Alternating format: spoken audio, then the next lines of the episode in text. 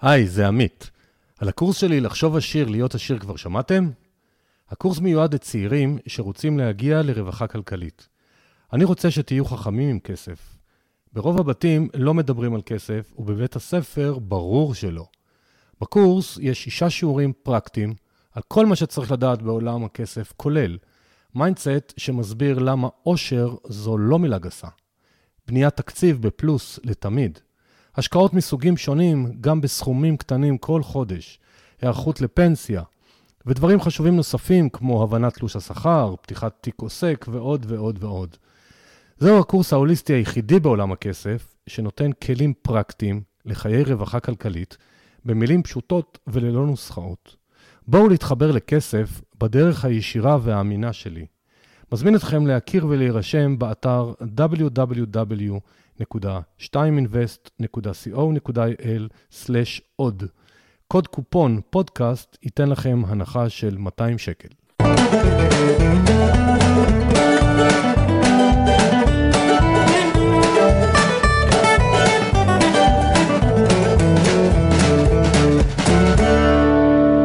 שלום לכולם, כאן עמית, בפרק נוסף של הפודקאסט כסף והשקעות. היום אני במשרדי חברת רייזאפ עם יובל סמט. יובל, תודה שאתה מארח אותי. בשמחה גדולה. יובל, לשמחתי, הוא גם מתעניין בחיבורים של חומר ורוח, והוא יזם טכנולוגי עם משימה חברתית שמנסה לעשות שינוי חיובי בעולם באמצעות טכנולוגיה. הוא גדל בבית שלא היה בו המון כסף, אבל כן היה בו שפע תודעתי והורים מסורים. ושפע תודעתי ומבוגרים משמעותיים בחיים זה מתנה שהוא היה רוצה להנחיל לכל ילד וילדה בישראל, וזה מה שמניע אותו. ומי שעוקב אחריי בפודקאסטים לא יכול להימלט מהעובדה שאני גם מאוד מאוד מאמין בחיבור חומר ורוח. ונורא נורא כיף למצוא עוד מישהו שמחבר עולמות. ואני לא אתן לך להתחמק, וכמו שאתם, מי שמכיר, ויובל קצת מכיר, אני לא מגלה למרואיינים את השאלות מראש, אז יש התקלות קלות, לא התקלות מסובכות. ואני לא אתן לך להתחמק מקצת ההיסטוריה העסקית שלך. אתה גרת כמה שנים מחוץ לישראל. כן. ספר לנו למה ומה עשית. אז אה, גם ההיסטוריה המקצועית שלי בסופו של דבר יושבת על המחשבה הזאת שאפשר לצמוח בלי גבולות. לפעמים הזדמנויות שאתה נתקל בהן בדרך הן הרבה יותר גדולות ממה שדמיינת. אמ, אני שירתתי בממר"ם בצבא, אמ, וכשסיימתי את השירות הצבאי, החלום שלי היה לטוס לקנדה או לארה"ב, לעשות כזאת אה, תקופה יפה אה, של גלישת סנובורד. אמ, וחבר התקשר אליי יום אחד ואמר לי, תקשיב, שמעתי שאתה עומד לטוס לחו"ל, יש לי רעיון יותר טוב בשבילך, בוא תעבוד בקונברס, תעשה services, product. אה, בעולם, תטוס אה, מהעבודה, תחווה, אה, וגם תתמקצע בתחום חדש. ככה נכנסתי לעולם הטלקום, בגיל 23, ישר מהצבא. ודילגתי על החוויה הזאת של ללמוד וכאלה, עשיתי את שביל ישראל והתחלתי לעבוד בקונברס. ונחשפתי לעולם הטכנולוגי שהכרתי אמנם מהצבא, אבל התחלתי ממש להיכנס לעומק לעולם הטלקום, מוביל אפליקיישנס, אני מדבר על שנת 2005, אז זה היה, עוד לא היו ממש הסמארטפונים כמו שאנחנו מכירים אותם. ככה שיצא לי להסתובב הרבה בעולם ולהתעסק בתוכן סלולרי. אמ, ודרך הנתיב הזה של טכנולוגיה, mobile, ניהול מוצר, professional services, בעצם התחלתי לפתח שאיפות עצמאיות להקים משהו משלי. אמ, זה דבר שתמיד הייתי מנסה לעשות בלילות. הרווחתי לא מעט כסף בתור שכיר בהייטק. אה, הוצאתי אותו כשכר לימוד על לנסות להקים מיזמים שנכשלו. אה, עם חברים, עם אחים שלי, עם כל מיני, מי, מי שהיה מוכן לשמוע רעיון אה, ולנסות לעשות עליו execution באמצע הלילה. אני הייתי שותף פוטנציאלי תמיד. נכשלנו, אני ושותפים שונים איזה עשר פעמים על כל מיני רעיונות. חלקם גרועים יותר וחלקם גרועים פחות. עד שבסופו של דבר אחי הגדול ואני הקמנו חברה שהתעסקה בניהול סיכונים ומניעת הונאה. אה, אחי היה בחברה שנקראת Fraud Sciences, אה, שיש עליה כמה פרקים משמעותיים בספר Start-Up Nation, חבורה של חבר'ה סופר מוכשרים שמכרו חברה אה, ל PayPal ב-2008, ובעצם בחרנו להתמקד בתחום המומחיות של אחי. מאוד מהר הכירו אותנו חברה שוודית שנקראת Klarna, שמתעסקת במסחר אלקטרוני. בעצם מאפשרת לאנשים לקנות בהקפה באינטרנט, כמו שאנחנו זוכרים במכולת, דוד תרשום לי, אם אתה תשלם אחר כך, רק uh, במסחר אלקטרוני, אונליין. Um, ובעצם uh, הצטרפנו לקלרנה. מהרגע שהקמנו את החברה עד הרגע שהצטרפנו עברו כמה חודשים. Um, אחי הצטרף בתור מנהל הסיכונים, מה-Chief Risk Officer מה שנקרא, ואני הצטרפתי לנהל את uh, ארגון המוצר שלא היה קיים אז. ואז בעצם עלינו על סוג של אה, נתיב מהיר כזה, של להיות חלק מהנהלה של סטארט-אפ שצומח בקצב מטורף. אה, בתחום מדהים של שירותים פיננסיים, אה, ושם בעצם הפכתי להיות בנקאי דיגיטלי, אפשר לקרוא לזה ככה. ועברתי בית ספר מדהים מבחינה פיננסית וגם מבחינת היכולות שלי כמנהל מוצר. אז אה, זה ככה ההיסטוריה. אז למה, אם, אם הכל נשמע מעניין כל כך, וחברת סטארט-אפ שהתחלתם, לא יודע, כשעזבת כמה אנשים הייתם שם, אז מה קרה, נמאס לך משוודיה, אין שמש? זהו, אז אה, לא, האמת שזה דווקא בסדר. אה, השמש...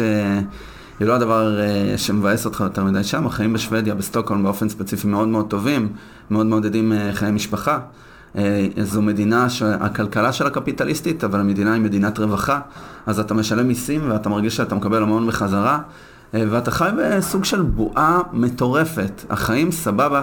בשוודיה לא הייתה מלחמה איזה 400 שנה, אם אני זוכר נכון, אה, וזה גורם לך להתעסק במשפחה שלך בעצמך. ובשלב מסוים היה לי ברור, על בסיס כל מיני חוויות שהיו לי בחיים, שלמכור ג'ינסים בתשלומים או בהקפה, באינטרנט זה לא המטרה של החיים שלי. היה לי ברור שאני רוצה לשרת משימה חברתית אה, ולבנות סטארט-אפ שבעצם יהיה אה, חברה מסחרית שיעזור לבצע שינוי משמעותי חברתי בעולם. אה, ואפשר לומר שעוד לפני השיא שלי בקלרנה, אחרי כמעט שש שנים, ממש כאילו, עוד לא הגעתי לשיא שלי שם, והייתי דמות יחסית משמעותית בחברה. ניהלתי את כל ארגון האנג'ינירינג, הייתי CTO, זה, זה 450 מפתחות ומפתחים. אבל החלטנו לחזור לארץ, יעל אשתי ואני, אה, ובעצם אה, להתחיל לשרת את המטרה שבשבילה אני חי את חיי היום, וואו, מעבר למשפחה. אה, הרעיון הזה של שינוי חברתי באמצעות טכנולוגיה, זה רעיון שבער בי, הדופק שלי הפך להיות דופק חברתי, היה לי מאוד מאוד חשוב למצוא את המקום שבו אני יכול לנצל את הניסיון שלי ואת הכישרון היחסי, פשוט לעזור לאנשים לצמוח. דיברנו קצת קודם בינינו על להגשים חלומות, אז לאפשר לאנשים לבנות את החוסן הכלכלי כדי להגשים לעצמם את החלומות. אז אנחנו עוד מעט נרחיב לזה, אבל אני, לא- אני, אני רוצה טיפה לזרום בשיטה שאני mm-hmm. רגיל. כן. אה, אמרת משהו בתחילת השיחה, שאתה סיימת צבא, הלכת לקומברס וכולי, ובלי ללמוד. השאלה מאז, השלה, עשית איזה שהם לימודים אקדמיים או לא? כי מאזינים לנו המון אנשים, וחלק ממטרות הפודקאסט בעיניים שלי, mm-hmm. לתת לאנשים השראה, חוץ מכלים פרקטיים גם השראה, ולראות עוד אנשים, איך הם... כן. אז עשית בינתיים איזשהו, בשנים האלה, או שהחלטת שבעצם לא צריך? אז דבר ראשון, אני מאוד, אה, מאוד מאמין בלימוד עצמי, וכנראה okay. שזה אחד מהמפתחות המשמעותיים בצמיחה האישית שלי. אה, עשיתי מנוי על הרווארד ביזנס ריוויו, מאוד מוקדם בחיים, אני אפילו לא יודע למה. אה, כזה שעדיין הייתי בקבע בצבא, הייתי בסך הכל איזה שנתיים וחצי, שנתיים ומשהו בקבע. והרווארד ביזנס ריוויו זה תכלס מה שאתה קורא כשאתה עושה MBA. אמ, ומאז עד היום זה כבר אה, די הרבה שנים, בוא נגיד איזה 16 שנה, משהו כזה, שאני עדיין קורא הרווארד ביזנס ריוויו. אז זה לא שעשיתי תואר במשהו, אבל די עשיתי תואר בעצמי. כי ללמוד מה שלומדים ב-MBA אתה לא חייב ללכת לאוניברסיטה Ivy League אה, להשיג את הידע, אתה פשוט יכול לקרוא ולהתמיד, ואני חושב שאחד הדברים המשמעותיים, כנראה בגלל שאני בן אדם מאוד יזמי במהות שלי, אה, תמיד רציתי לבנות חברה בעצמי ולעשות משהו משמעותי בעולם. אה, כנראה שתמיד חיפשתי את הכלים התיאורטיים גם, להבין איך לעשות יותר טוב את מה שניסיתי לעשות ואיך לפתור בעיות. אז אני רוצה לשאול אותך עכשיו שאלה כמנכ"ל. כן. האם כשאתה מגייס עובדים, ואנחנו משרדים שלך, אני לא יודע כמה עובדים יש, אבל יש פה ברוך השם עובדים, 20, כן. נהדר. אתה בודק ידע או אתה בודק תואר? כי הרבה מאזינים, אני רואה גם מהילדים האישיים שלי, mm-hmm. שמתלבטים לפעמים, אז אחד כבר למד, אחד לומד, ואחת עוד לא יודעת בדיוק מה היא תרצה. Mm-hmm. אבל היא רוצה ללמוד. והרבה אנשים שמגיעים אליי אומרים לי, כדאי ללמוד, כדאי לא ללמוד, צריך, אז כמעביד, כמעסיק, כן. איך אתה מסתכל על זה? אז זה מאוד תלוי מאיפה אתה מגיע, כי יש אנשים שהם אה, עושים דברים מהבטן, והם מדהימים במה שהם עושים.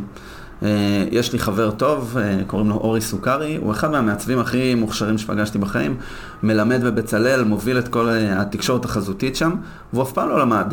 לא, בקושי למד בבית ספר, למד בבית ספר הדמוקרטי בחדרה, זה הציל לו ככה את החיים, ואוניברסיטה הוא לא עשה משהו מאוד משמעותי, אבל הוא בן אדם מדהים ומטורף, והיכולת שלו, העיצובית, היא עולה על כל דמיון, וזה דבר שאתה לא רוכש בזכות השכלה אקדמית.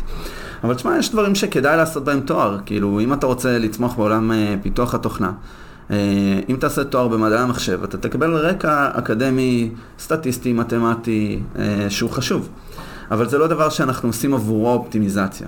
אה, אם יש לך כישרון וידע ויכולת, אה, זה דבר שהוא מאוד מאוד חשוב, בייחוד בסביבה של סטארט-אפ. שהרבה פעמים מה שחשוב הוא לא הרקע בהכרח, אלא הגרף למידה. היכולת ללמוד מהר, הענווה שאתה מגיע איתה ללמוד, כי אתה עומד לנסות, לנסות לפתור בעיות שכנראה לא נתקלת בהן בעבר, והרבה פעמים בסטארט-אפ אתה מנסה לפתור בעיות שאף אחד אחר לא, לא ניסה לפתור בכלל. אה, אז רקע אקדמי הוא לאו דווקא הדבר שעוזר לך. אה, אני חושב שאפשר להשוות אה, שתי דרכים שיחידות עילית בצבא, ממר"ם ו-8200 מכשירות אנשים. בממר"ם מלמדים אותך איך לפתור בעיות באמצעות נהלים. הכשרה שהיא מאוד פורמלית, מאוד אקדמית כביכול. ב-8200, הקורסים הכי איכותיים, לא מלמדים אותך פורמלית איך להשתמש בתהליך כדי לפתור בעיה. נותנים לך רקע טכני, נותנים לך רקע של חשיבה, כדי לפתור את הבעיות שאף אחד לא פתר לפניך. Um, וכנראה שגם האקדמיה לא יכולה לתת לך את כל הידע כדי לפתור בעיות בלתי פתורות לחלוטין. Um, אבל אם אני צריך להעריך, אני חושב ש-90% מהאנשים כאן, יש להם תואר אקדמי. אמ, אז מאוד מאוד קשה אמ, להיכנס לתוך מעגלים מסוימים, חברות מאוד איכותיות בהייטק וכולי, אם אין לך הכשרה אקדמית או רקע צבאי. אמ, ואז מאוד יכול להיות שההחלטה הכי טובה שלך, ישר אחרי הצבא, זה ללכת ולעשות תואר במשהו שהוא פרקטי או משהו שהוא משמעותי, אה, שתוכל אחרי זה להיכנס למקום משמעותי ולצמוח ממנו. אני חושב שהעצה הכי טובה לאנשים שמסיימים לימודים, היא לא לעשות אופטימיזציה, גם צבא, היא לא לעשות אופטימיזציה לכמה כסף אתה עושה, או איזה בכירות אתה עומד לקבל במקום שתגיע אליו, אלא להגיע למקום שהוא יהיה הבית ספר הכי טוב בשבילך.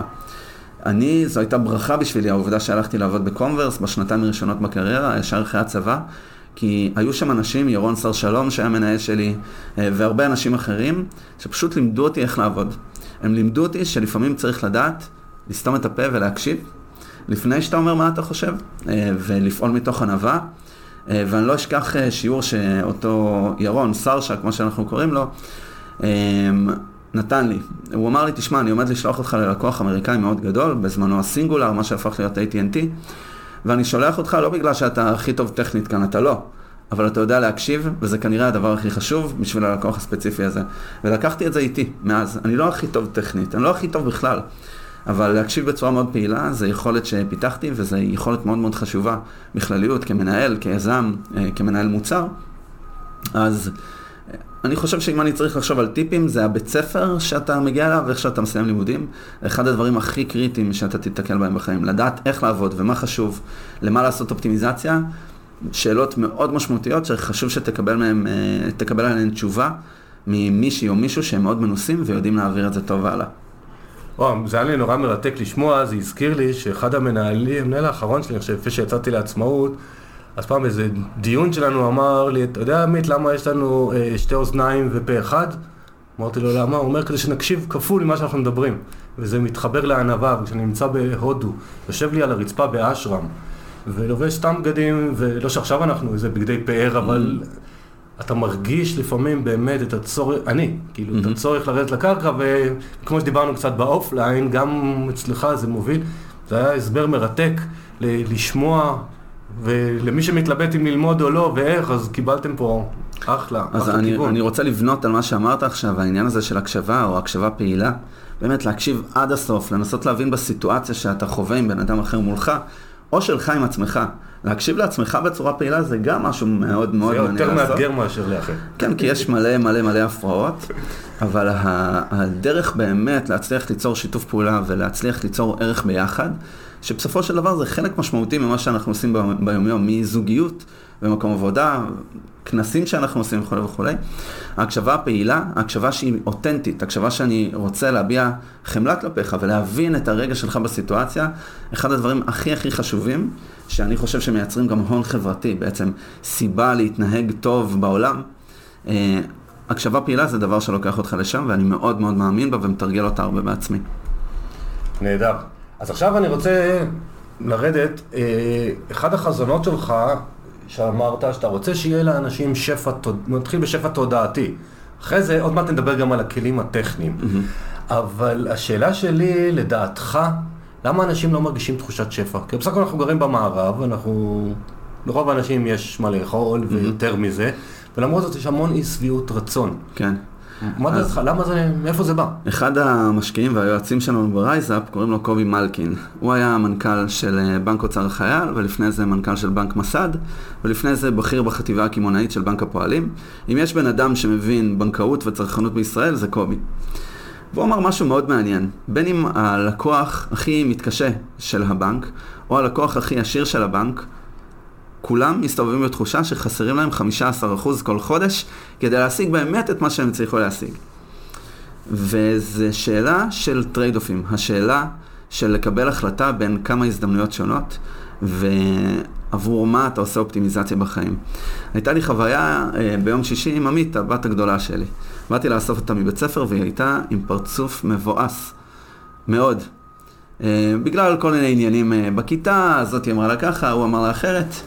ואמרתי לה, עמית, את יודעת, אחרי חצי שעה שאני ככה מנסה להכיל את הסיטואציה ולעזור לה להתמודד בעצמה ולהעלות חיוך על הפנים, אמרתי לה, תראי, בסופו של דבר אני חושב שההחלטה בבוקר לקום ולחשוב אופטימי על החיים, היא החלטה מאוד מאוד משמעותית, ואני בתור אבא שלך מבטיח שכל יום וכל ערב, וכל פעם שנדבר, אני אזכיר לך להיות אופטימית. כי או שאת בוחרת להיות אופטימית ואת עושה אופטימיזציה לאופטימיות, או שאת בוחרת להיות פסימית. וככה היום שלך יצבע והחיים שלך ייראו. אני מאמין בזה בכל ליבי. אז התודעת שפע היא מתחילה במקום הזה, בהחלטה הפשוטה. עכשיו תשמע, יש המון סיטואציות בחיים שקשה. קשה באופן רציונלי ומובהק ואובייקטיבי.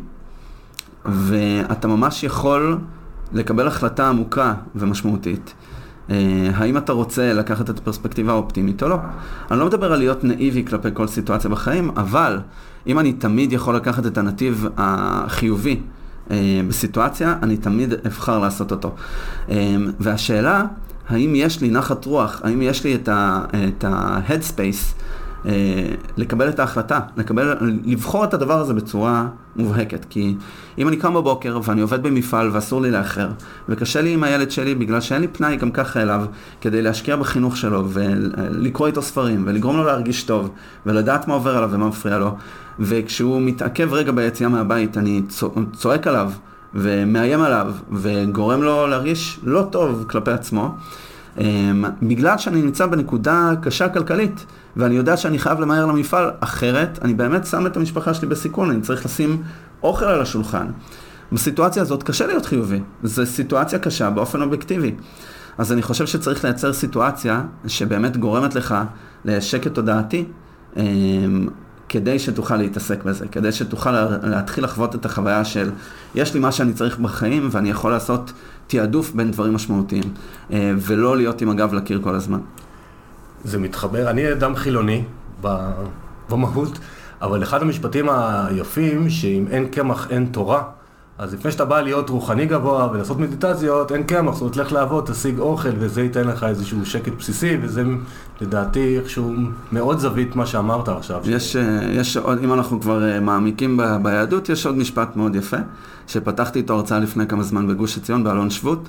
אמ, זהו השיר השמח בחלקו. Okay. כן. אמ, עכשיו, יש מצבים אובייקטיביים בחיים שמאוד מאוד קשה להיות שמח בחלקך, כי חלקך לא מספיק כדי לממן את, ה, את המינימום שצריך לממן בחיים. אבל uh, להסתובב עם הכוונה האמיתית הזאת, להיות שמח בחלקך, uh, זה דבר שהוא קשה בעולם שבו אנחנו חיים, אבל הוא אפשרי.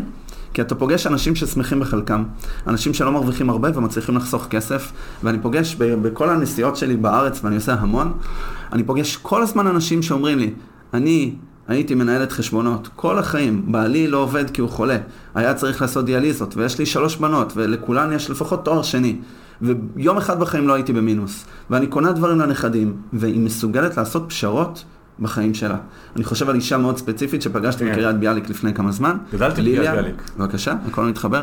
ליליאן סיפרה לי את סיפור חייה, ומה שהיה מדהים, שהיא באה להרצאה על RiseUp, והיא באה, היא לחשה לי באוזן, תגיד, כמה תשואה אתה מבטיח ללקוחות? עכשיו, אנחנו לא מתעסקים בהשקעות כן, אנחנו בכלל. תכף נדבר על RiseUp, אני מושך זמן. זה סבבה. ומה שהיה מעניין בסיטואציה זה שהיא הייתה משקיעה פיננסית מאוד מאוד מתוחכמת. איזה יופי. על שכר של כמעט מינימום כל החיים שלה, אבל היא פשוט ידעה לעשות את ה trade-off ים. ואתה רואה דברים כאלה במקומות הכי אה, מתקשים כלכלית אובייקטיבית, ואתה רואה התנהגות הפוכה במקומות שיש בהם כביכול הכי הרבה רווחה כלכלית. אז זה ממש עניין של state of mind. כן, להסתכל על הכוס המלאה ולצמוח משם. אז אני רוצה רגע להתקדם, אנחנו מתקרבים לרייזאפ בשאלות שלי, ואחד הדברים שאתה אומר בחזון שלך זה לעזור לישראלים לצמוח כלכלית. מה שאני רוצה לשאול אותך, וזו סוג, הגדרה סובייקטיבית מה שאני שואל, אהה. מה זה בשבילך צמיחה כלכלית? איך אתה מגדיר? אז אה, אתה יודע, בתור איש משפחה אני מאוד מוטה ילדים. ולהיות מסוגל להקנות לילדים שלך את מה שהיית רוצה להקנות להם, אני חושב ששם מתבטא צמיחה כלכלית, או הצמיחה הכלכלית שהייתי רוצה לראות, היא צמיחה כלכלית שמאפשרת מוביליות חברתית. ומוביליות חברתית מתאפשרת ברגע שילדים צוברים השכלה, ויש הרבה הזדמנויות לפניהם. ואני חושב שאם אתה רוצה להבטיח שהילדים שלך יצמחו בחיים, אתה צריך להבטיח את היכולת שלהם ללמוד. ללמוד בנחת רוח. גם בגיל של גן חובה, וגם בבית ספר היסודי, ובכלל במערכת החינוך. ואחרי זה, אם הם רוצים לרכוש השכלה אקדמית, או איזה השכלה שהם רוצים לרכוש. אני חושב שצמיחה כלכלית של הילדים שלי, וזה מה שאני עושה עבור האופטימיזציה, היא מתבטאת קודם כל ביכולת שלהם לבנות חוסן כלכלי, מנטלי, התנהגותי, פיננסי אובייקטיבי, שממנו הם יוכלו לצמוח. יש כל הזמן שאלה כזאת שאני מתחבט בה, מה נכון להשאיר לילדים. ומה שנכון להשאיר לילדים זה את היכולת להתמודד עם החיים בעצמם. ואם אתה שואל אותי איזה צמיחה כלכלית הייתי רוצה לראות בישראל, זה צמיחה כלכלית כזאת שתאפשר לכל ילדה וילד בישראל, לכולם, לא משנה מאיזה מגזר אתה, לא משנה מה הרקע שלך, לא משנה כאילו מה התנאים האובייקטיביים, באיזה מיקוד נולדת. היום בישראל המיקוד שנולדת בו מכתיב את השכר שלך 30 שנה אחר כך. זה מזעזע בעיניי. ואני הייתי רוצה שהצמיחה הכלכלית תתבטא ביכולת של ילדה וילד היום לצמוח בעתיד. אמ, ככה אני חושב על צמיחה כלכלית. אמ, אני יודע שזה סובייקטיבי, אבל זה גם נרטיב שהוא די, די אה, אה, שגור. לא, אני אגיד לך למה אמרתי סובייקטיבי. כי כמו שאתה אמרת בהתחלה, הרבה פעמים אתה מדבר עם אנשים, אז המדד היחידי שלהם זה כסף, יש לי הרבה, יש לי מעט, יש לי זה. יש לי בית, אין לי בית. כן. ויש לי השקעות וזה, וצמיחה כלכלית, אז לכן אמרתי זה סובייקטיבי, כי כשאני בא לעשות ייעוץ לאנשים, המשפט הראשון שאני אומר ללקוח שלא מכיר אותי, אני אומר להם, תש... אחרי שהוא בחר, כן, שאני אהיה יועץ שלו, אבל הוא לא מכיר את הפילוסופיה שלי, אני אומר לו, תשמעו, בכסף אין דבר כזה נכון, לא נכון, יש מה מתאים לי, כל אחד זה משהו אחר. אף פעם ייעוץ שלי הוא לא קופי פייסט. יכול להיות שאתם תסיימו את הפגישה, תלכו הביתה ותגידו, אולי הוא נחמד, אולי הוא לא נחמד, עמית, אבל הוא דיבר שטויות במיץ. וזה גם בסדר, כי אני מדבר מהמקום שאני רוצה לעזור לכם, אבל אין נכון, לא נכון, ומשם דיברתי לצמיחה כלכלית, כי כל אחד, לכן אמרתי סובייקטיבי, יכול להגדיר את זה. אני מסכים במאה אחוז. זה מאוד מאוד סובייקטיבי, המטרה, גם תמיד יש שאלה, נגיד אה, בקונטקסט של הרווחה. אה, שואלים האם נכון לתת כסף למשפחות שנמצאות אה, בסיטואציה כלכלית מורכבת או לא. אה, ויש איזה מקרה שדנים בו הרבה במשרד הרווחה בארץ, שנתנו פעם סכום כסף משמעותי למשפחה בקושי כלכלי, ואז אותה אימא אה, הנתמכת, אה, הבנפישיירי מה שנקרא, לקחה את הכסף וקנתה סלון חדש. ואז אה, באו אליה ואמרו לה, מה עשית? כאילו, למה לא להשקיע בילדים וזה? היא אמרה, תקשיבו, אם אני רוצה שיהיה לי כוח עוד יום אחד להמשיך ולעזור לילדים שלי לחיות חיים טובים, אני רוצה להיות מסוגלת לארח בבית שלי בלי בושה. זה נותן לי את הכוח להמשיך. עכשיו, זה סובייקטיבי לחלוטין, לגמרי, ההתנהלות היומיומית. אה, כי יש דברים שהם מנטליים עמוקים, שאתה לא יכול באמת אה, לתת להם אה, מענה בכסף, ובגלל זה אני מסכים עם האמירה שזה סובייקטיבי. עם זאת, אני חושב שהסיפור הזה של לעזור לילדים שלי, לא, לבנות חיים... אה, נשמע שכולם יסכימו עם זה. כן, אולי לא ב, ב, עם הכותרת הזאת של מוביליות חברתית, אבל שכל כאילו ילד, לעזור כל ילדה, לילדים מכל מגזר, מכל דבר, לעזור. לגמרי. וזה לא איזה אוטופיה, אני לא חושב שזה אוטופיה, כי ראיתי לא, כלכלה כזאת עובדת בשוודיה. אה, לא בקטע סוציאליסטי-דמוקרטי, אלא בקטע קפיטליסטי-כלכלי, אבל מדינה שיש בה רווחה חזקה, שמוודאת שאין ילדים רעבים. לא, זה מוביל אותי לשאלה הבאה, שלילי השם קוד מקריית ביאליק, היא קריית ביאליק. ליליאן, ליליאן. ליליאן. אה, אני לא יודע מי, אז זה בסדר גמור. כן. אז השאלה היא, איפה אתה רואה את הכשל בלקבל החלטות כלכליות נכונות? כאילו שעוד פעם, נכון זה גם סובייקטיבי, אם לקנות סלון או לקנות אוכל זה סובייקטיבי, כן. אבל אתה רואה הרבה מאוד אנשים בארץ ובעולם בתחום הזה. כן. איפה אתה רואה את הקשר שבוא ננסה לתת לאנשים נקודות, אה, להסתכל לעצמם בראי ולהגיד, רגע, אולי פה באמת חשבנו לא מדויק. כן, זה, זה ממש מעבר חד לעולם שלנו ב RiseUp. לא, אנחנו מתחילים, בטח. כן, כן. אתה רואה, אני כבר באמצע של... בנית, בנית, בנית את זה נהדר. אז כשאנחנו התחלנו להסתכל על למה אנשים נכנסים למצב שהם לוקחים הלוואות, הלוואות לכל מטרה כדי לסגור את החודש. אז ממש רצינו להבין את הפרספקטיבה המחקרית של העניין. אה, יש ספר מעולה שנקרא מחסור, שמדבר על כל התהליכים הפסיכולוגיים והכימיים שקורים במוח ברגע שאני חווה מחסור כלכלי, או אפילו לחץ כלכלי לצורך העניין. זה קצת מכבסת מילים, כאילו, אם אתה קורא לזה מחסור או לחץ. הם, עשו מחקר בקרב אה, חקלאים הודים שמגדלים קני סוכר, שההכנסה שלהם היא שנתית כל פעם שיש קציר. נתנו להם מבחני IQ לפני ואחרי הקציר. וגילו, במבחני IQ אובייקטיביים, פער של 13 נקודות IQ לפני הקציר, הם מקבלים ניקוד הרבה יותר נמוך. וקשרו את זה באופן מובהק ללחץ הכלכלי שבו הם נמצאים. כי ברגע שאתה נמצא בלחץ כלכלי, האדרנלין עולה לך במוח, הרציונל הולך לישון, ואתה מתחיל לקבל אה, החלטות ממקום לא רגוע, לצורך העניין.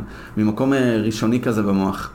אה, ואם אתה לא נותן לעניין הזה מענה, אנשים יקבלו החלטות על כסף, מה שקורה בפועל, כאילו הוא רודף אחריהם איזה דוב ביער. ואם אתה לוקח משכנתה, או ממחזר את ההלוואה לרכב, או מקבל החלטה לאיזה חוג לשלוח את הילדים אחרי הצהריים, ואם אתה יכול להרשות לעצמך, לקבל החלטות כאלה מתוך מקום של לחץ, כאילו דוב רודף אחריך ביער, זה לא טוב. וזאת מציאות שצריך אה, לשנות. וזה בעצם היסוד ההתנהגותי המנטלי הראשון שגורם לאנשים להתנהל בצורה כזאת. עוד אה, בעיה משמעותית שאנחנו נתקלנו בה, זה העובדה שממש קשה לדעת בכל רגע כמה כסף יש לך באמת. אם אתה קונה אה, טוסטר, נגיד, טוסטר משולשים, אתה יודע מה הוא אמור לעשות. אתה יודע שאתה שם אה, גבינה בין שתי פרוסות לחם, מכניס את הטוסטר, יוצא לך טוסט.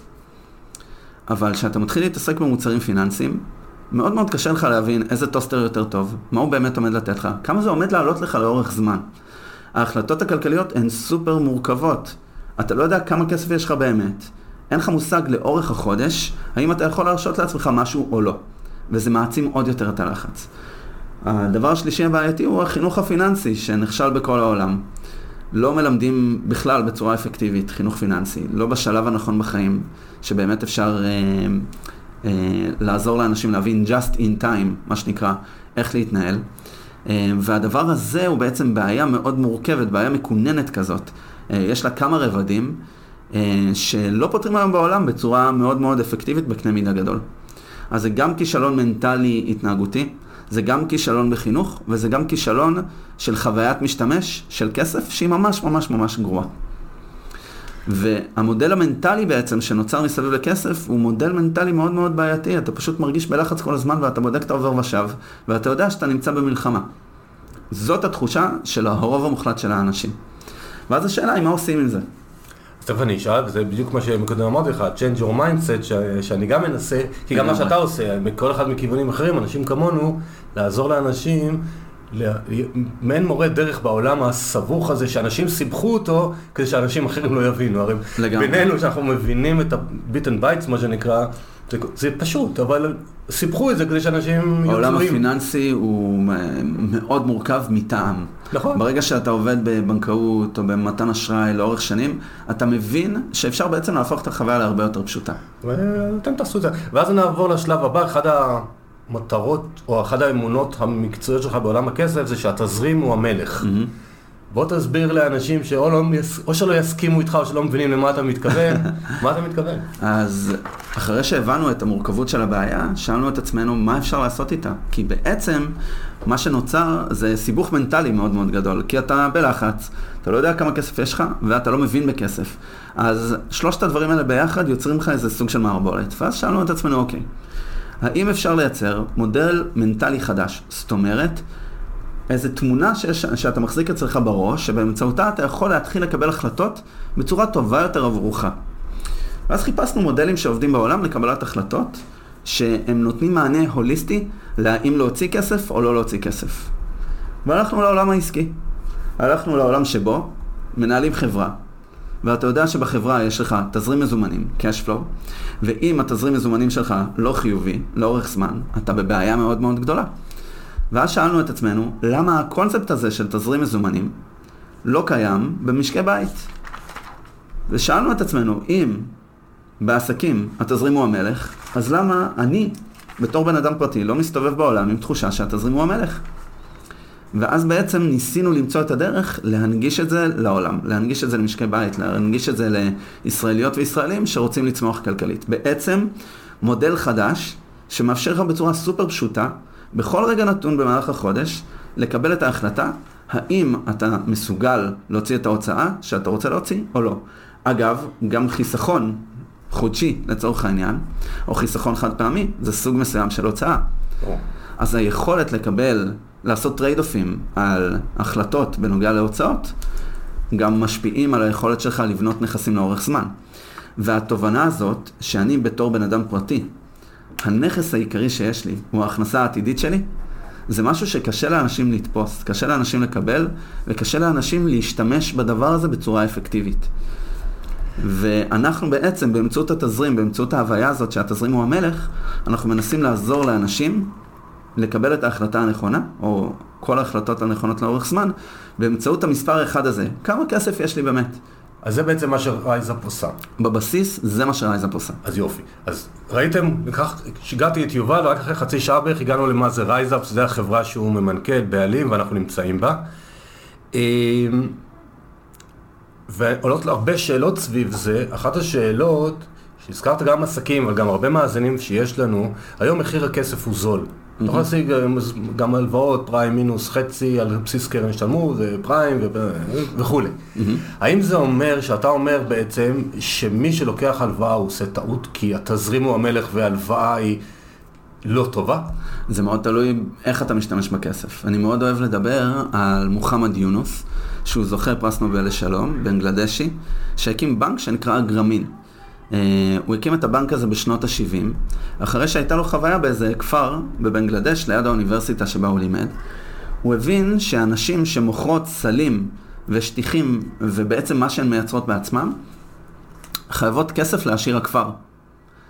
והן לוקחות הלוואות בריבית מאוד מאוד גבוהה, ונכנסות למעגל חוב ולא מצליחות לצאת ממנו, כי הן חיות בעוני מרוד. בעצם הן נוסעות פחות משני דולר ליום. ובמעגל התזרימי הזה של היומיום שלהם, הן לא מצליחות להרים את הראש מעל המים. ומה שמוחמד יונוס עשה באותו רגע זה לתת להם הלוואות. איזה הלוואות? 27 דולר בממוצע. ההלוואות האלה בעצם אפשרו להן להתחיל לייצר הכנסה גבוהה יותר. Income Generation Loan. והיום בנק גרמין עושה הרבה סוגים אחרים של הלוואות. הלוואות למגורים, הלוואות ללימודים. בעצם, הלוואות שבמהותן הן השקעה. גם אם לא לוקחים את הכסף ומשקיעים את הכסף במינוף באיזה נכס מניב, שמייצר תשואה עדיפה על פני הריבית שאתה משלם, אתה מקבל תשואה לחיים, כי אתה מרוויח יותר. כי הילדים שלך פתאום נהיים מובילים. בנק גרמין, בזכות הפעילות הזאת, בזכות מתן הלוואות בריביות לא נמוכות בכלל, גרם להיעלמות של 60% מהעוני המרוד בבנגלדש. ועל זה מוחמד יונס קיבל את פרס נובל לשלום. אז כשאתה שואל אותי, אל, לא, לפרס נובל לשלום. לשלום? לא לכלכלה, כן. אני לא זוכר למה, למה זה קרה, אבל... אה, לא, אני זוכר את השם שלו, את הסיפור. כן, כן, פרס נובל לשלום, זה מעניין, זה בחירה מעניינת. כן. אמ, האמת שאני צריך לבדוק את זה, אני תמיד מתעכב על הנקודה הזאת ולא בדקתי. דבר. אבל מה שאני מנסה לבטא כאן, זה שאם אתה, אם מחיר הכסף הוא נמוך, תוודא שאתה לא משקיע את זה בחופשה באלסקה, אלא תוודא שאתה באמת משקיע את זה בנכס שהוא מניב עבורך. אולי אה, רכישה של מקצוע חדש, אולי השקעה בנכס כלשהו, אבל ההבנה היא שאשראי זה מה שמסובב היום את העולם, לצורך העניין, גם למדינות, גם לעסקים, אה, גם למשקי בית, אה, ופשוט צריך להיזהר כשלוקחים אשראי ולקחת אשראי טוב, לא אשראי רע. אה, וזו ההבחנה, אני חושב שצריך להיות מסוגלים להבחין. כן, זהו, רציתי לוודא שאין לנו ויכוח, כי אם היית אומר לי בשום פנים, לא, כי יש לא. פשוט כמה גורואים אמריקאים למשל, כן. שאומרים לא חד משמעית לעולם, ואני אומר, כן, תלוי למה ובכמה. אז אני הרבה פעמים אוהב אה, להשתמש במתודה של איך השירים מתנהלים, כדי להבין איזה מוצרים היית רוצה לתת לעולם. ומי שיש לו ממון, מתעסק כל הזמן במינוף. נכון. לקחת כסף בזול, טוב. עליו תשואה בספרד חיובי. כן. וכשאתה חושב בעצם על התפקיד של הבנקאות בכלכלה, זה בדיוק העניין. הבנקים אמורים לתת לך כסף בתנאים שהם נוחים לך, כדי שאתה תוכל להחזיר יותר כסף לבנק בעתיד, אבל ממקום של צמיחה ולא ממקום של אה, עושק. מגננה. כן, ויש זה לא קורה. יש, יש אה, מורכבות בעניין הזה, נקרא לזה ככה. אז עכשיו אני רוצה קצת שנעשה פרסום לרייזאפ. אני רוצה שתסביר לנו, כי גם אני, אני ראיתי את האתר וזה, אבל אני עדיין רוצה באמת שאנשים, אולי חלק מהמאזינים מחר בבוקר יתחילו להשתמש בזה. איך זה עובד, מי הקהל יעד שלה, מה, מה, מה אפשר להשתמש וממה היא מרוויחה. זאת אומרת שבאמת נבין כולנו, המאזינים, כולל אותי, מעולה. מי אתם, מה אתם, איך אתם עוזרים לנו. מעולה. אז נתחיל מתפיסה משמעותית שיש לנו. התזרים הוא המלך בכל שלב בחיים. התזרים הוא המלך שיש לך קצת כסף בתור סטודנט, ושיש לך הרבה כסף כשאתה פורש נגיד. עכשיו, למה התזרים הוא המלך? כי בעצם התזרים הוא אה, ראי כל ההחלטות שלך. אתה בעצם בשורה התחתונה מבין כמה אתה משקיע, כמה אתה חוסך, אה, כמה כסף אתה מוציא כל חודש. התמונה של התזרים נותנת לך את התמונה המלאה הזאת. אז לא משנה אם יש לך מעט מאוד נכסים, או אין לך נכסים בכלל, או יש לך הרבה נכסים, התזרים הוא הדופק הכלכלי שלך. זאת בעצם נקודת המוצא שלנו אה, במוצר ובחברה. RiseUp זה שירות שהוא בעצם מתודה ומוצר ביחד. אנחנו בעצם מנסים לעזור לאנשים להבין מה זה תזרים, ולהשתמש בכלי הכי מתוחכם בעולם, המוצר של RiseUp, לניהול התזרים שלהם. מבחינת קהל היעד שאנחנו מתמקדים בו, אנחנו מתמקדים במה שנקרא הקהל החציוני בישראל. המשפחות החציוניות הן משפחות שמרוויחות 15,000 שקל נטו בחודש למשק הבית, שחצי מהאוכלוסייה מרוויחה יותר מהם וחצי מהאוכלוסייה מרוויחה פחות. אלה המורים, אלה האחים והאחיות, העובדים הסוציאליים, אנשי כוחות הביטחון. זה הלב הפועם של החברה הישראלית, והלב הפועם הזה, וואלה, יש לו בעיה בדופק, יש לו אי סדרים בדופק. כי כלכלית קשה מאוד לסגור את החודש בישראל היום ב-15,000 שקל נטו. זו, זו המציאות העגומה. עכשיו, שאלנו את עצמנו, איך את כל הבעיות האלה שתיארתי קודם, חוויית המשתמש הגרועה של כסף וחוסר ההבנה בכסף וכולי, איך בעצם אנחנו יכולים לעשות משהו משמעותי מבחינת חוויית משתמש שיגרום לאנשים להבין מה זה תזרים ואיך להשתמש בתזרים בצורה, בצורה סופר קלה. והבנו שכדי לעשות את זה לא צריך לפתח אפליקציה, אלא צריך לנהל שיחה בוואטסאפ. אז מה שאנחנו עושים זה להתחבר באמצעות שם המשתמש והסיסמה שלך לחשבונות הבנק וכרטיסי האשראי. אנחנו מנתחים באופן אוטומטי את כל הנתונים שלך, קוראים את המידע בלבד מכל החשבונות, ונותנים לך תמונה תזרימית מדויקת ופרסונלית שמתעדכנת כל הזמן, בלי שאתה צריך לעשות כלום בתור לקוח. היא מעדכנת אותך כמה פעמים בשבוע מה מצב הכסף שלך, כמה כסף יש לך עד סוף החודש, באופן אוטומטי לחלוטין, כדי שתוכל לקבל החלטות על בסיס כמה כסף יש לך. מעבר לזה, יש גם ממשק גרפי מאוד uh, מפורט שאתה יכול לעשות צלילת עומק לתוך התזרים. מה זה מאפשר לך לעשות? נגיד, uh, לפני חודש וחצי, uh, בחודש, uh, כן, בחודש דצמבר, לקחתי את הילדים שלי לשחק באולינג בקניון שבעת הכוכבים. ואשתי איכשהו ידעה שאני בקניון, וכנראה קפצה לה נוטיפיקציה יובל בקניון עם הילדים, והיא שלחה לי וואטסאפ, תקנה לי. לילדים, תקנה לילדים נעליים לחורף, כאילו, איזה חורף יש כאן. אבל סבבה, לקחתי את המשימה, קנינו לאיתן הקטן איזה נעלי כדורגל ב-100 שקל, ואז עמית אמרה לי, אבא, אני רוצה מגפי אגס. עכשיו, אני תמים שכמותי, חשבתי שמגפי אגס זה משהו כזה, אתה יודע, for uh, the average Joe, או ליוסי הממוצע. ואמרתי לעמית, בואי ניכנס uh, לחנות, נמדוד. אם זה עולה עד 200 שקל, אין בעיה, קונים. אם זה עולה יותר, אנחנו לא נקנה ונבדוק באינטרנט. נכנסים לחנות, מצאה נעלי אגס, מגפיים כאלה סגולות, עם פס כסוף, ועמית כבר מרחפת על ענן של מרשמלו, ויודעת שמחר היא תיכנס בבוקר לבית ספר והיא תהיה הכי קולית וזה. מצאנו את המידה, ואז אני אומר לה, מיטו, שזה עולה 650 שקל, אנחנו לא קונים מגפיים כאלה, בואי נצא. עכשיו, לי היה את הכוח להגיד לה את הדבר הזה, כי ידעתי מה מצב התזרים שלי, ידעתי שהמספר הוא ירוק, בכמה מאות שקלים, זה היה ממש לקראת סוף החודש, ולא רציתי שהמספר שלי בסוף החודש יהיה אדום, שלילי. רציתי שהתזרים שלי יהיה חיובי. למה? כי יש לי מספר לעשות עליו אופטימיזציה. זה כל כך חזק, מנטלית והתנהגותית, וגם פיננסית אובייקטיבית, זה state of mind. והייתי מסוגל לקחת את השיחה המורכבת עם עמית, כי הדבר הראשון שקרה ברגע שאמרתי לה, עמית הוא שלא קונים. הדמעות, ש... העיניים שלה התמלאו בדמעות, והיא הבינה מה הולך לקרות. אז יצאנו החוצה ואמרתי לה, עמית, דבר ראשון, אנחנו לא בוכים בגלל חפצים. דבר שני, בואי נחפש באינטרנט, אולי נמצא משהו דומה או יותר טוב אפילו. חיפשנו, מצאנו ב Next, ב-125 שקלים, את החיקוי הכי טוב בעולם של Uggs, והזמנו בו במקום, והיא קיבלה אחרי חמישה ימים הביתה במשלוח מגפי Uggs, כביכול, מלונדון, שהגיעו במטוס. והיא הייתה המאושרת בכל ילדות, יל, ילדות כיתה ג' אה, בבית ספר בבלי ירושלמי בבבלי בתל אביב. והסיפור הזה הוא סיפור שכולנו נתקל, נתקלים בו כל הזמן, כל הזמן, ה trade-off ים האלה, וזה הולך ונהיה יותר מורכב ככל שהילדים גדלים. אמ, אז אני חושב שהתזרים ומה שאנחנו עושים פה נותן את הכוח לאנשים לקבל את ההחלטות האופטימליות עבורם, עבור עצמם, המושכלות עבור עצמם, בכל רגע נתון, כי הם יודעים כמה כסף יש להם באמת. אבל ואז... אותו צוות שאני רואה פה, אני לא יודע מה הם עושים, כמובן אני גם לא מסתובב בין השולחנות, אני לא אסתובב. אבל אמרת קבוצות וואטסאפ, זאת אומרת יש לכל משפחה, יש לה איזה בן אדם שעובד מולה, או שזה הכל אה, טכנולוגי? תסביר לנו קצת אז קבוצת איך הוואטסאפ. זה עובד, כי, ועוד. דבר בבקשה, בטח. אבטחה, בטיחות, כי אתה אומר לי, אנחנו מתחברים לך לחשבון בנק ולחשבון. הזה, זה, אוטומטית, רגע. כן, כן, אבטחת מידע זה עניין משמעותי. אני אתחיל מאבטחת מידע. אמ, או אני אתחיל מהאנשים שמסתובבים כאן. אה, חצי מהאנשים שיש לנו היום בחברה הם מפתחות ומפתחים.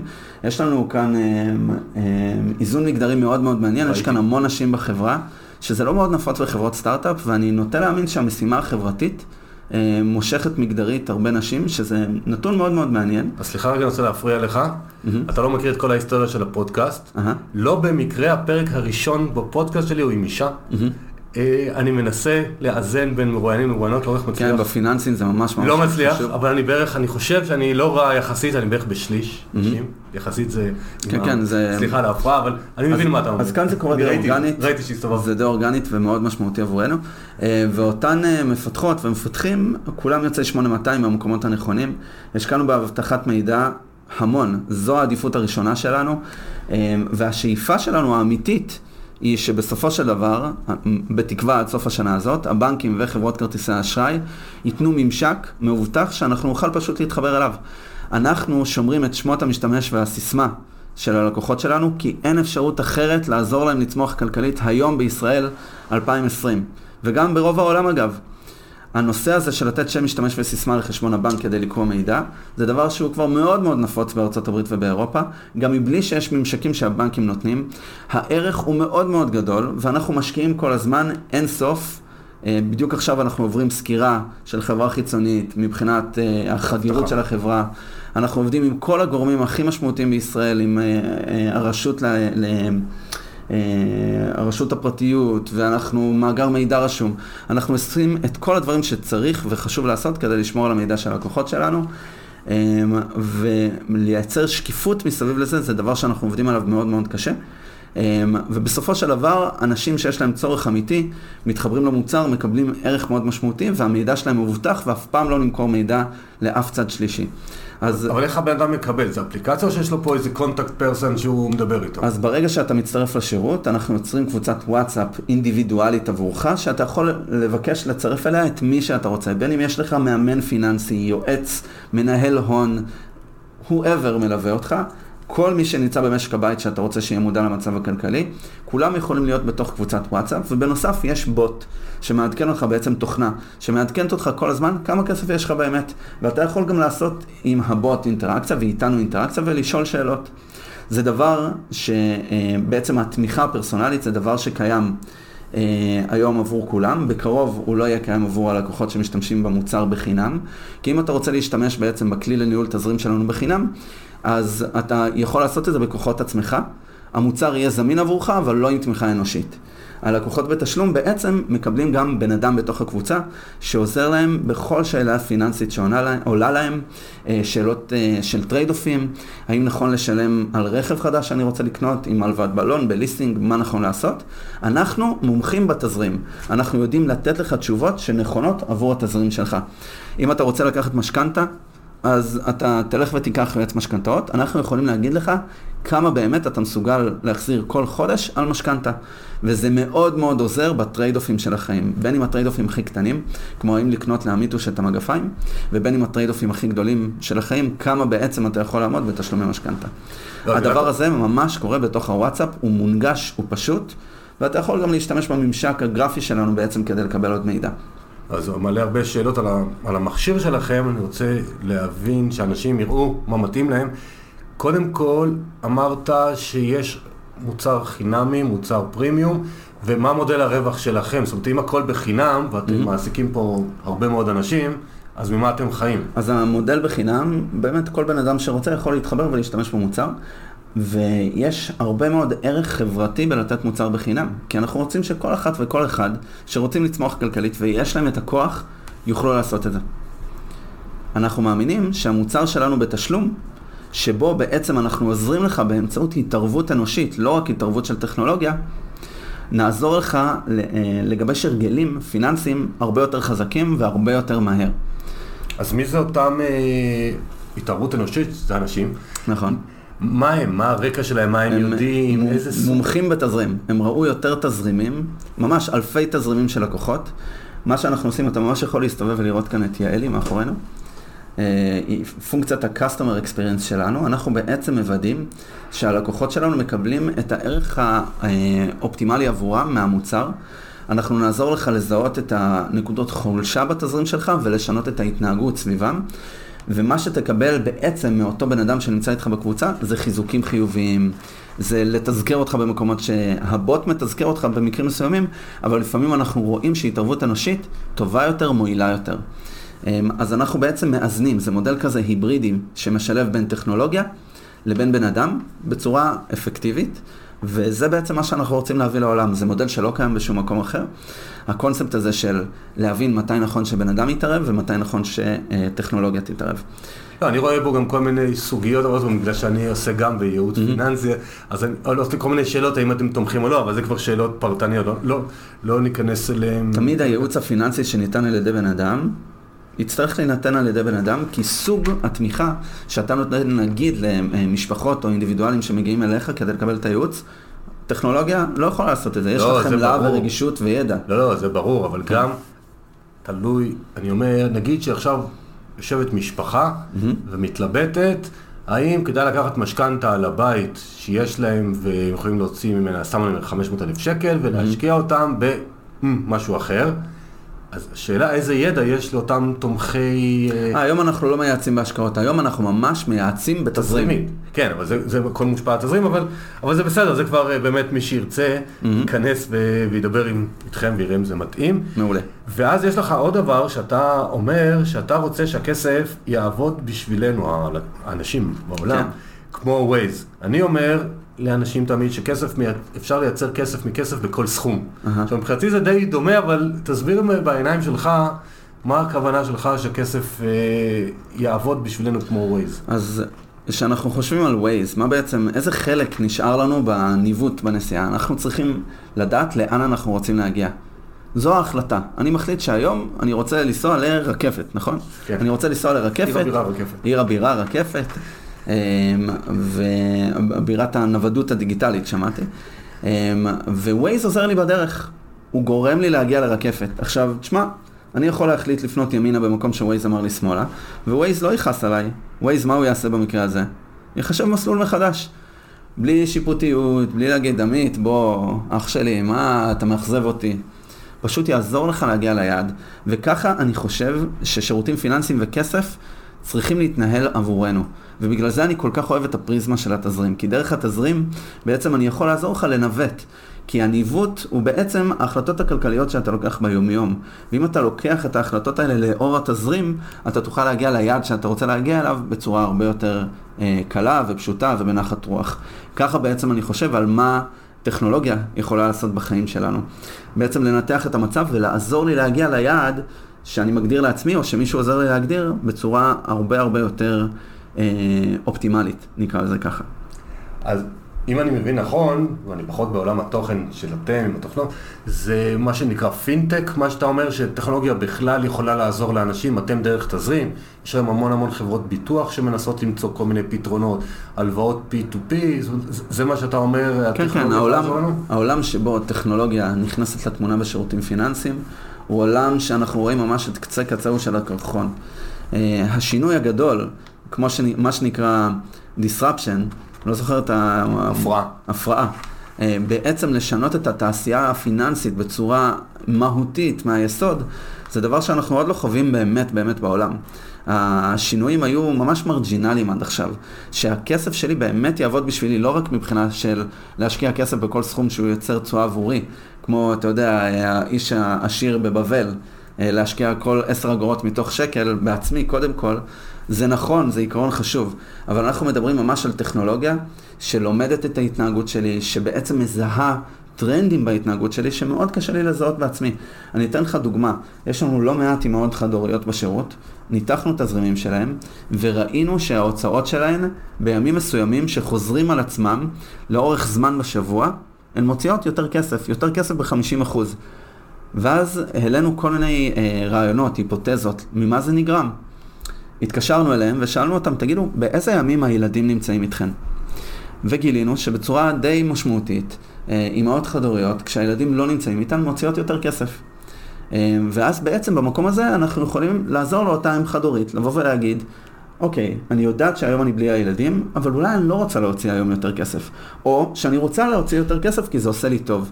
אז אני חושב שכאן הטכנולוגיה יכולה אה, לייצר ערך כל כך משמעותי, גם בייצור של תודעת שפע, כאילו להוציא מתוך מקום שאני יודע שזה בסדר, שמאוד מאוד קשה לסמוך על פקיד בבנק או כל אחד אחר לעשות את זה עבורי.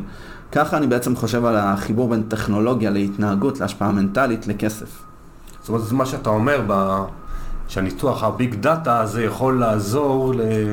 לכם לתת המלצות, וכל הטכנולוגיה הזאת יכולה לעזור לנו. לגמרי, לגמרי. אבל לא חייבים big data, כאילו אתה לא, לא חייב אינסוף data. כל האם... טוב, לא יודע מה זה אינסוף, אבל לזהות אימהות חד-הוריות צריך איפשהו לאגור את הנתונים. זה, זה נכון. ואז מישהו שיודע לנתח אותם. זה נכון, ו... זה נכון. ניתוח המידע בצורה אפקטיבית עבורך זה דבר שאנחנו מאוד טובים בו כאן.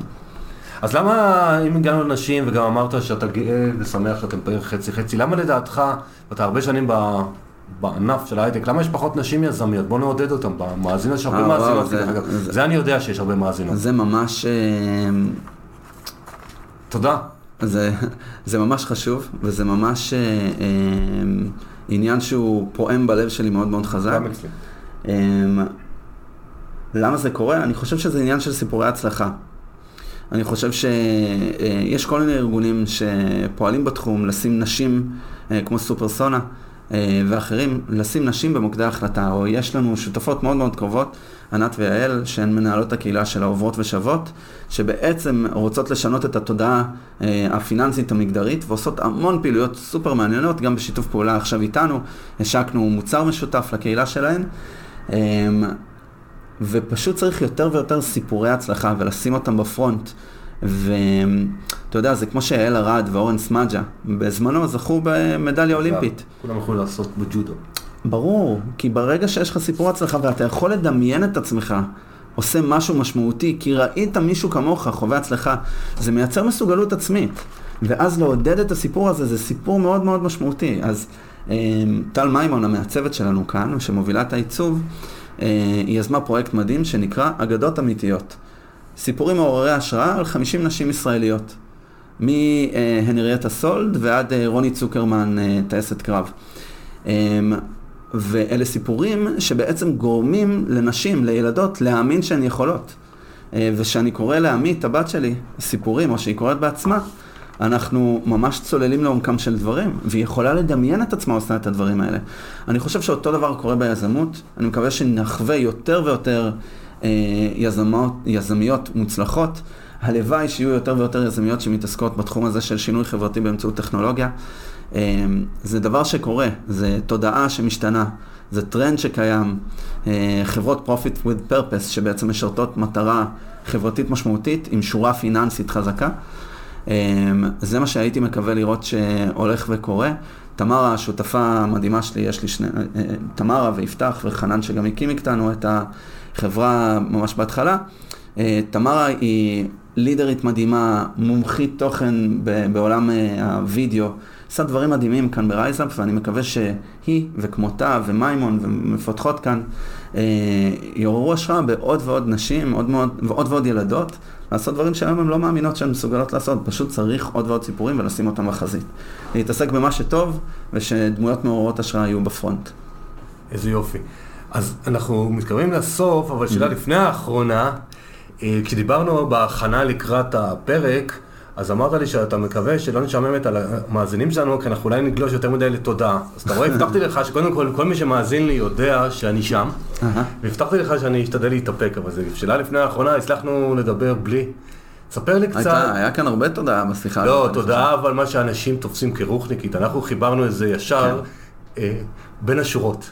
כן. אבל אני רוצה עכשיו להעלות את זה בפרונט, כי אני חושב שזה גם איזון, כמו שאמרנו, שנשים וטכנולוגיה זה איזון טוב, אני חושב mm-hmm. שאיזון הנפש הוא חלק מהאיזון הבריאות של האדם השלם, ואם הוא שלם, mm-hmm. גם פיננסית הוא יהיה שלם. תשתף אותנו במה שאתה מוכן, איזה איזונים, אני יודע שאשתך מורה ליוגה, אבל מה, נכון. מה אתה, איך אתה מאזן את עצמך ככה? מהלחץ, מהטכנולוגיה, מהסטרסים? אז אני חושב שדבר ראשון יש עניין, יש כל מיני מעגלי תמיכה. אני הרבה פעמים חושב על עצמי כמו ספורטאי אולימפי לצורך העניין. כשאתה מסתכל על ספורטאי אולימפי, אז אתה מבין שיש לו הרבה רשתות תמיכה שונות סביבו.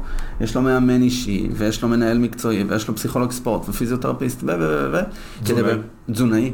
כדי להיות ממש בשיא שלך, אתה צריך הרבה מאוד תמיכה. וגם כדי להיות בפוקוס כל הזמן על מה שהוא צריך להתעסק, בלי... לחלוטין, את הנחת רוח. אתה חייב להיות בשקט, בשקט תודעתי. ואני חושב שהמקום שה, הזה של למצוא את השקט הוא מאוד חשוב, כי אתה צריך להבין מה מעגלי התמיכה שאתה צריך סביבך כדי לייצר את השקט הזה. אז אצלי יש אה, מעגלים כאלה שהם מאוד מובהקים. יש לי מאמן עסקי אה, שאני רץ איתו כבר 205 מפגשים, שזה 12 שנה, משהו כזה, גיורא פריבס. אה, שממש שותף לצמיחה שלי בצורה מאוד משמעותית, כנראה מספר 2 אחרי אשתי כזה. אז אתה צריך למצוא את הדמויות שעוזרות לך להגיע למקום הזה, למצוא את השקט בעצמך, להבין איזה סוג של מעגלי תמיכה אתה צריך. ויעלי ואני מדברים הרבה בזמן האחרון על העניין הזה של תודעה, איך שנינו מתעסקים בתודעה, אבל ממקומות שונים. יעלי מתעסקת בתודעה באמצעות היוגה ובאמצעות הנשימה והמדיטציה. כי בסופו של דבר היוגה, מה המהות שלה? השקטת תנודות התודעה. להגיע למצב שבו אתה נוכח, אתה כאן, וכשאני מסתכל על זה ברמה המקצועית, אני חושב על הלימה, מפגש אופטימלי בין המיומנויות שלך לבין האתגרים שאתה נתקל בהם ביום יום. אני לא אחד כזה שמאמין ב-work-life balance. אני חושב ש-work-life balance, אחרי שחוויתי את המונח הזה בשוודיה, שבה היא כביכול בירת ה-work-life balance, ואתה רואה אנשים נשברים. כי הם חושבים שהם צריכים להיות ממש טובים בבית וממש טובים בעבודה. אני חושב שצריך להסתכל על המכלול של הדברים ולהיות טוב בצורה הוליסטית, ולהיות מאוזן במערכת יחסים שלך עם הבת זוג שלך, הבן זוג שלך. זה ממש ממש חשוב. אז כשאני מסתכל על מה שאנחנו עושים גם כאן ב RiseUp, אני ממש חושב על זה בתור השקטת תנודות התודעה הפיננסית. אתה צריך לא לחיות כל הזמן בחרדה, אתה צריך למצוא את הדרך להשקיט את עצמך. יש אה, אה, סיפור מאוד יפה, שמתן אשכר, שהוא מורה ליוגה שאני ממש מעריך, ויש לו בקרוב סדנה בנאות סמדר, אה, סיפר לנו באיזה סדנה שעשינו, אה, שיש גורו זקן שמספר לתלמיד שלו סיפור על ציפור שקשורה בחוט לענף. והציפור מנסה לעוף הרחק מהעץ, והיא לא מצליחה לעוף, והיא כל הזמן נטרקת על החוט. והמקום היחיד שבו הציפור תחווה שקט, זה אם היא תשב בחזרה על הענף.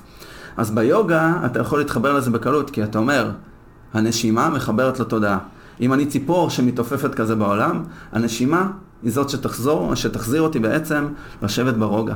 ואני חושב שבכל אחד מאיתנו יש את הרוגע הזה, פשוט צריך למצוא כל אחד את הנשימה שלו. אז אני באופן אישי עושה מלא ספורט, מלא ספורט קשה. אה, אני אחד כזה שנהנה מכיף בדיעבד. לסבול ברגע ובדיעבד להגיד שזה ממש נעים, זה נקרא type 2 fun. ואני עושה הרבה יוגה, אני משתדל לעשות כמעט כל יום. הרבה מדיטציה שהיא חלק מהיוגה, הרבה נשימות. אה, התאמנתי באומנויות לחימה לאורך הרבה מאוד שנים. אה, לבלות הרבה בטבע עם המשפחה, הילדים שלי מאוד ממלאים אותי. אשתי מאוד ממלאת אותי בהרבה מאוד מובנים, והיא בעצם הכניסה את היוגה לחיים שלנו. אז כל הדברים האלה הם סופר משמעותיים מבחינתי, ואני עובד המון בלמצוא את הפלואו, למצוא את האיזון. Um, אי אפשר למצוא איזון בלי לעבוד בלמצוא איזון. אני, מי כמוני יודע שאני כבר הרבה שנים, כל פעם מפלס דרך, ו...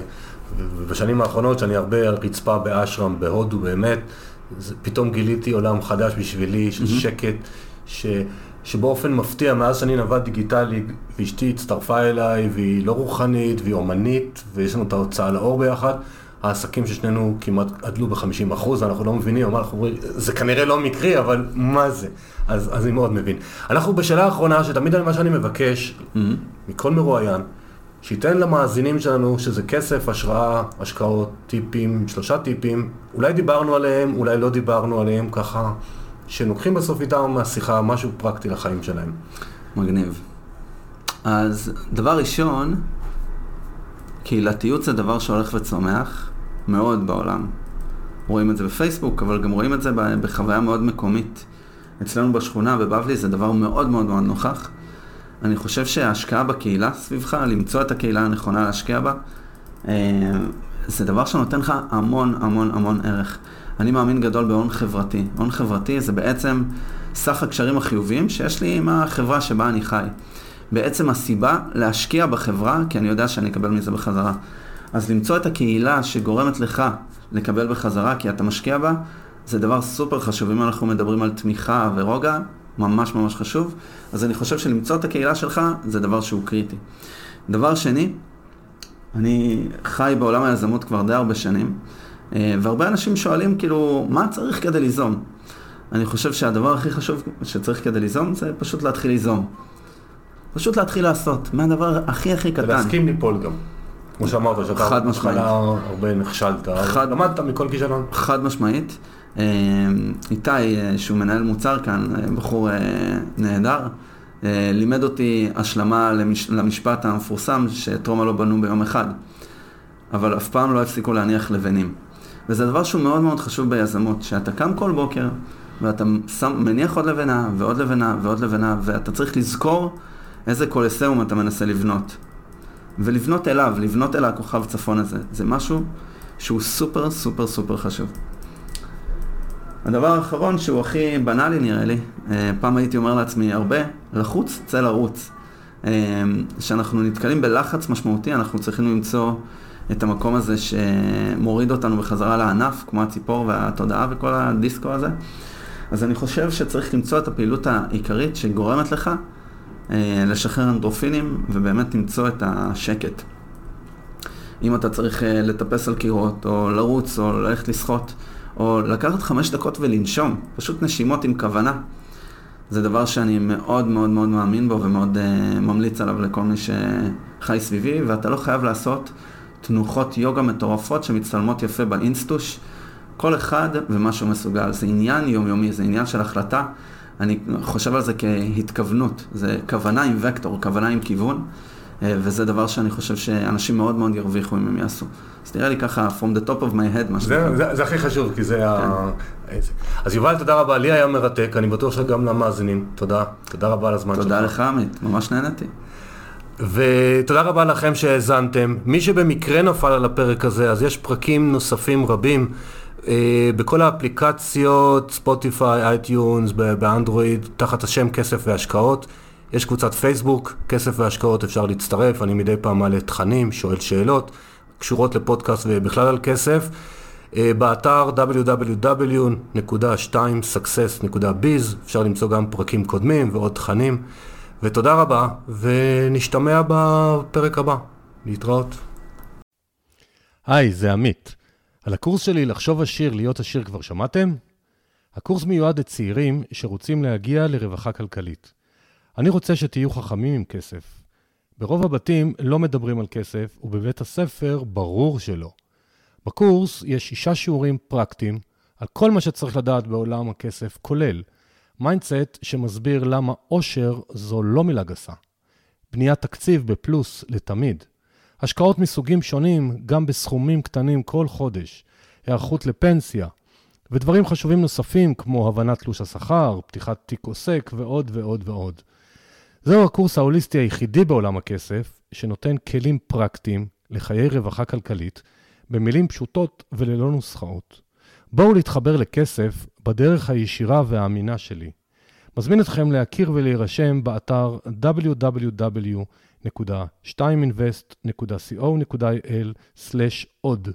קוד קופון פודקאסט ייתן לכם הנחה של 200 שקל.